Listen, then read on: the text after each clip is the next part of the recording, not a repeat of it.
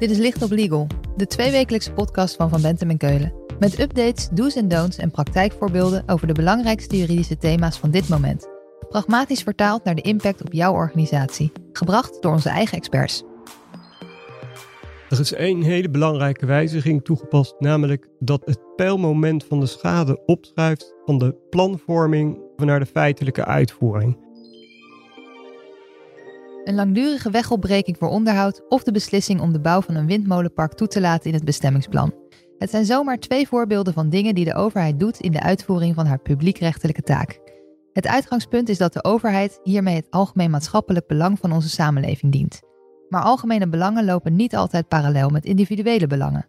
Misschien daalt je huis wel in waarde door de aanleg van dat windmolenpark, of loop je klandizie mis omdat je bedrijf onbereikbaar wordt door die wegopbreking. Voor dat nadeel kan je gecompenseerd worden. Binnenkort verandert er echter een hoop in het nadeelcompensatielandschap als de nieuwe omgevingswet volgend jaar in werking treedt. Daarover praat Frank Mulder je bij in deze Licht op Legal. Hij stelt zich even voor. Ik ben Frank Mulder, advocaat en partner in het team omgevingsrecht van Van Bentem en Keulen. Uh, ik ben specialist op het gebied van bestuursrechtelijke schadevergoeding en in het bijzonder nadeelcompensatie. En Frank treedt daarnaast al tientallen jaren op als deskundige en onafhankelijk voorzitter van commissies die de overheid adviseren over ingediende nadeelcompensatieclaims, zoals claims over de Zuidasdok, het vliegveld Lelystad en ruimte voor de rivier. Frank, om af te trappen. Nadeelcompensatie. Klinkt simpel, maar wat is dat eigenlijk? Ja, nadeelcompensatie gaat over schade die de overheid rechtmatig veroorzaakt. En daarmee heb je al direct het uh, bijzondere kenmerk van nadeelcompensatie te pakken. Um, je hebt het dus niet over een volledige schadevergoeding. Als de overheid een fout maakt, onrechtmatig handelt, dan moet de overheid volledige schadevergoeding betalen. Maar bij nadeelcompensatie gaat er altijd een uh, ondernemersrisico of een normaal maatschappelijk risico af omdat de overheid op zich wel rechtmatig handelt, maar burgers of bedrijven daardoor onevenredig worden getroffen. En dat normaal maatschappelijk risico, hoe hoog dat is, ligt dat vast? Um, daar um, zijn allerlei verschillende percentages afhankelijk van de omstandigheden van het geval. Uh, bijvoorbeeld van belang is het een normale ontwikkeling of is er iets heel bijzonders aan de hand. Bijvoorbeeld een calamiteit die echt niemand heeft kunnen voorzien. Uh, hoe bijzonderder het is, hoe lager dat, uh, normaal maatschappelijk risico is. Dus hoe kleiner het eigen risico is. Oké, helder. Nadelcompensatie, dat is natuurlijk ergens vastgelegd. Waar wordt dat op dit moment geregeld? Um, ja, dat hangt ook weer vanaf uh, over welke nadelcompensatie je het hebt. Het is eigenlijk een verzamelbegrip nadelcompensatie. Maar er zijn uh, een aantal wettelijke nadelcompensatieregelingen waarvan planschade wel de allerbekendste is. Dat kent bijna iedereen. Als er een, bijvoorbeeld een bestemmingsplan wordt gewijzigd en daardoor je woning in waarde daalt, dan kun je planschade claimen. Maar dat is een vorm van nadelcompensatie. Voor de rest vind je dat bijvoorbeeld ook in de waterwet of in de wet natuurbescherming. En uh, veel in beleidsregels en verordeningen van gemeentes of provincies. Dus op dit moment moet je het eigenlijk overal vandaan halen? Ja, het is een heel versnipperd geheel. En uh, ook met name dat normaal maatschappelijk risico waar ik het net over had. Ja, dat is eigenlijk in al die regelingen verschillend geregeld. Nu treedt volgend jaar de nieuwe omgevingswet in werking. Dat heeft invloed op dat nadeelcompensatie. Ik mag hopen dat ze het ook een beetje overzichtelijker hebben gemaakt. Wat verandert er? Nou ja, allereerst uh, moet ik direct een, een, disclaimer erbij doen dat we mogen hopen dat het ook daadwerkelijk volgend jaar wordt ingevoerd. Want dat is nog steeds niet zeker en uh, dat ligt nog steeds bij de Eerste Kamer of dat allemaal doorgaat direct aan het begin van het jaar. Um, maar als het wordt ingevoerd, dan um, gaat er echt wel wat veranderen. Eigenlijk op twee fronten. Ten eerste zal eindelijk de algemene titel na de compensatie van de Algemene Wet Bestuursrecht in werking treden. En ten tweede zal er ook een specifieke uh, schadevergoedingsregeling voor uh, besluiten in het omgevingsrecht komen. Je zegt eindelijk gaat die algemene grondslag in werking treden. Om daar maar eens mee te beginnen. Wat betekent dat? Ja, ja, dat is inderdaad uh, lange tijd um, uh, heeft dat op de rol gestaan, zou ik haast zeggen. Dat de wet die is al in uh, 2013 vastgesteld. En ja, nu inmiddels leven we acht jaar later en ehm, hij is nog steeds niet in werking getreden. En hoe komt dat nou? Dat is omdat die algemene regeling in de Algemene Wet Bestuursrecht eigenlijk een hele hoos aan schadeclaims tot gevolg zou kunnen hebben. Althans, dat is de angst wel van de overheid. Waarom? Uh, omdat eigenlijk niet alleen maar besluiten dan nog tot schade kunnen leiden, maar eigenlijk alle handelingen die in een publiekrechtelijk kader door de overheid worden verricht. Dus ook gewoon bijvoorbeeld uitlatingen van de minister. Dus de proefballonnetjes van Dijkhoff, die kunnen niet meer worden opgelaten? Nee, precies. En uh, als een minister bijvoorbeeld even zegt van, uh, ja, we denken toch hier wel aan een, een windmolenpark of misschien een kerncentrale of wat dan ook dan kan dat eigenlijk al direct tot waardeverminderingen van woningen leiden. En ja, men is bang dat, dat die schadeclaims heel wat erg makkelijk bij de overheid ingediend gaan worden. En daarom heeft men lange tijd gezocht naar een soort van inperking van die mogelijkheden, met name voor besluiten in de fysieke leefomgeving. En um, ja, die inperking die treedt eigenlijk met de nieuwe omgevingswet in werking. En daarom kan dan ook die algemene nadelcompensatieregeling makkelijker in werking treden. Dus die algemene grondslag, wat gaat over feitelijk handelen, die wordt ingeperkt door de specifieke regeling voor nadelcompensatie in de omgevingswet. Hoe ziet die eruit? Ja, die specifieke regeling um, die lijkt eigenlijk op de oude plantschade natuurlijk allereerst. Want het is een beetje de opvolger van plantschade, maar die krijgt alleen een veel bredere rijkwijde, omdat de omgevingswet veel breder is dan uitsluitend de wet ruimtelijke ordening. De omgevingswet gaat namelijk ook over andere fysieke domeinen, zoals uh, water en milieu. Um, en um, ja, wat men heeft gedaan, is een specifieke lijst, een, een limitatieve en uh, exclusieve lijst in de wet opgenomen met uh, welke besluiten tot schade kunnen leiden en welke handelingen en welke activiteiten tot schade kunnen leiden. En dat betekent dat de rest in het omgevingsrecht, dus die, de, de handelingen die niet op die lijst staan, uh, niet tot schade kunnen leiden. Of althans niet tot een schadevergoeding. Maar je zegt heel duidelijk, het is een limitatieve lijst. Dus alles wat daar niet genoemd wordt, wordt uitgesloten. Maar doet dat dan niet die algemene grondslag niet? Is dat dan niet een wassen neus? Voor het omgevingsrecht wel.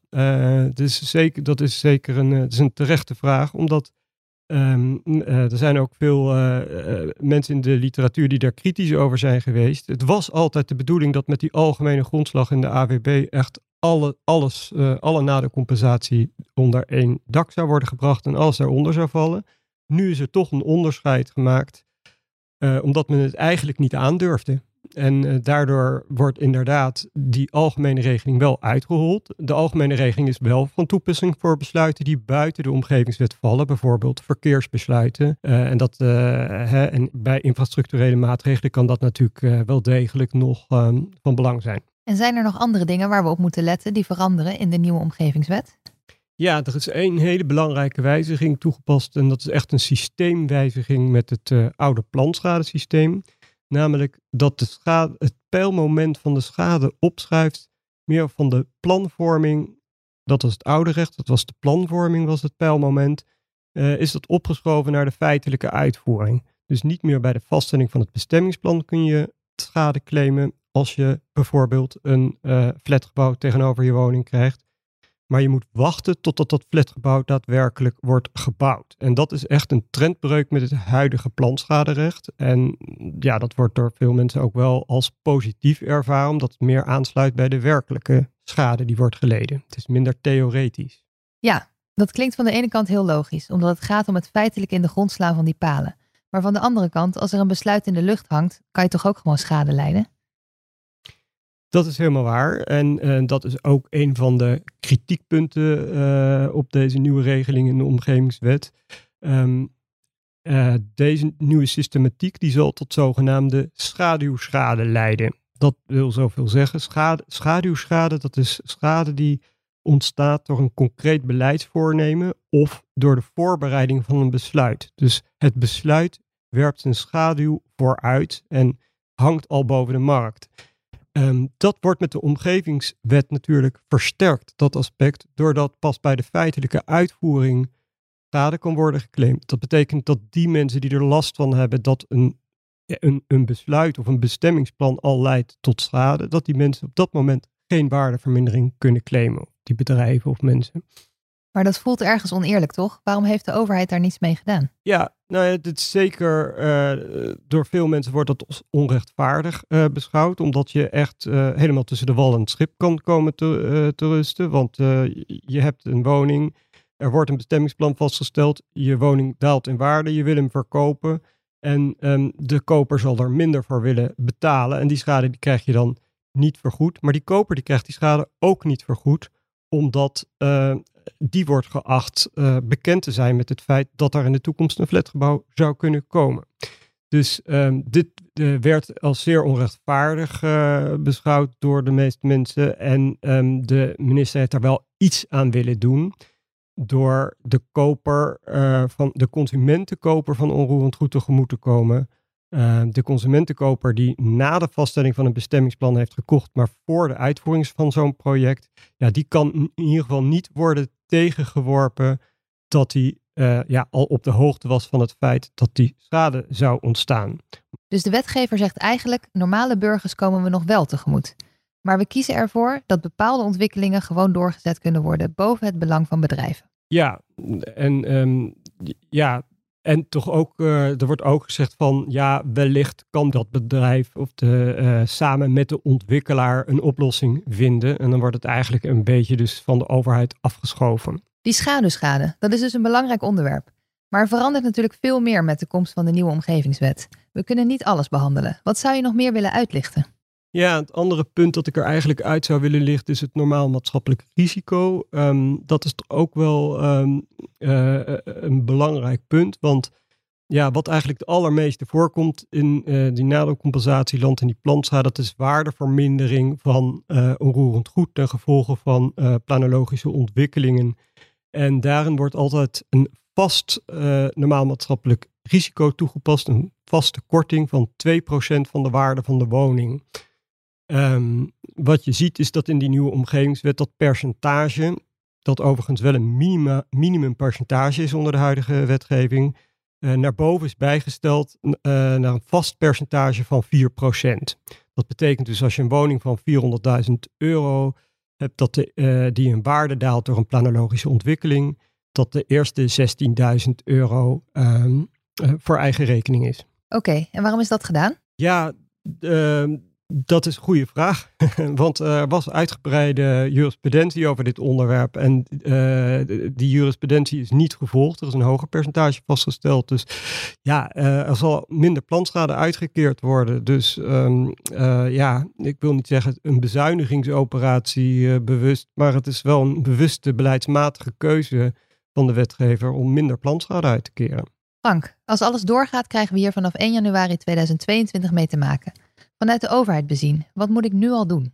Um, vanuit overheidsperspectief zou ik zeggen, um, kijk naar je planschadeverordening, kijk naar je nadeelcompensatieverordening als overheid. Want um, die verordening, die, uh, die verordeningen moeten in overeenstemming zijn met die nieuwe wetgeving. Dus de, zowel de AWB als uh, voor, voor wat betreft de planschadeverordening, uh, ja, de nieuwe omgevingswet. past dat aan aan de terminologie, maar pas het ook aan aan de nieuwe regeling, zodat er geen strijdigheid ontstaat tussen die verordening en de nieuwe regelgeving. Want als dat het geval is, dan is die verordening um, onverbindend. Dus je moet er als overheid nu al op gaan voorsorteren? Ja, ja het is een van de uh, zaken die door het ministerie ook wordt genoemd. Uh, uh, ben je als gemeente of ben je als provincie klaar voor de omgevingswet? En er is er een hele lijst met actiepunten. En een van de uh, belangrijke actiepunten is pas je verordeningen aan. En deze plantschadeverordening en de nadelcompensatieverordening, die hoort daar zeker toe. Nu zijn er natuurlijk ook bedrijven die hiermee te maken hebben, zoals projectontwikkelaars. Wat moeten zij weten? Ja, die projectontwikkelaars, uh, daarvoor is het natuurlijk wel een, uh, goed nieuws dat dat eigen risico omhoog gaat. Want uh, de schade uh, voor uh, een bepaalde ontwikkeling. Die wordt over het algemeen door de overheid aan die projectontwikkelaar doorgelegd. Of, de ontwikkelaar die moet dat betalen. En um, ja, die zal wat dat betreft met lagere vergoedingen geconfronteerd worden. Of helemaal geen vergoedingen, omdat vaak die schade volledig onder het normaal maatschappelijk risico zal vallen. En dat is dan op zichzelf wel goed nieuws voor de, voor de uh, in ieder geval voor de bouwers van uh, nieuwe woonwijken, uh, die dan wellicht makkelijker van de grond komen, omdat er minder zware lasten op drukken. Frank, dankjewel. Als we meer willen weten, waar kunnen we dan terecht? Mensen kunnen natuurlijk altijd mailen naar um, frankmulder.vbk.nl um, of bellen. daarnaast hebben wij twee keer per jaar een Jura Actua waarin we altijd een actualiteit geven, de actualiteiten weergeven van nadeelcompensatie en plantschade. En uh, let u ook op de legal updates die wij publiceren over plantschade en nadeelcompensatie op uh, de website van Van Bentem en Keulen. Dit was Licht op Legal, een podcast van Van Bentem en Keulen. Te beluisteren via Spotify, Apple Podcast of je eigen favoriete podcast-app. Wil je meer weten? Heb je suggesties voor een onderwerp? Of wil je dat onze experts hun licht laten schijnen op jouw juridisch vraagstuk? Laat het ons weten via vbk.nl slash.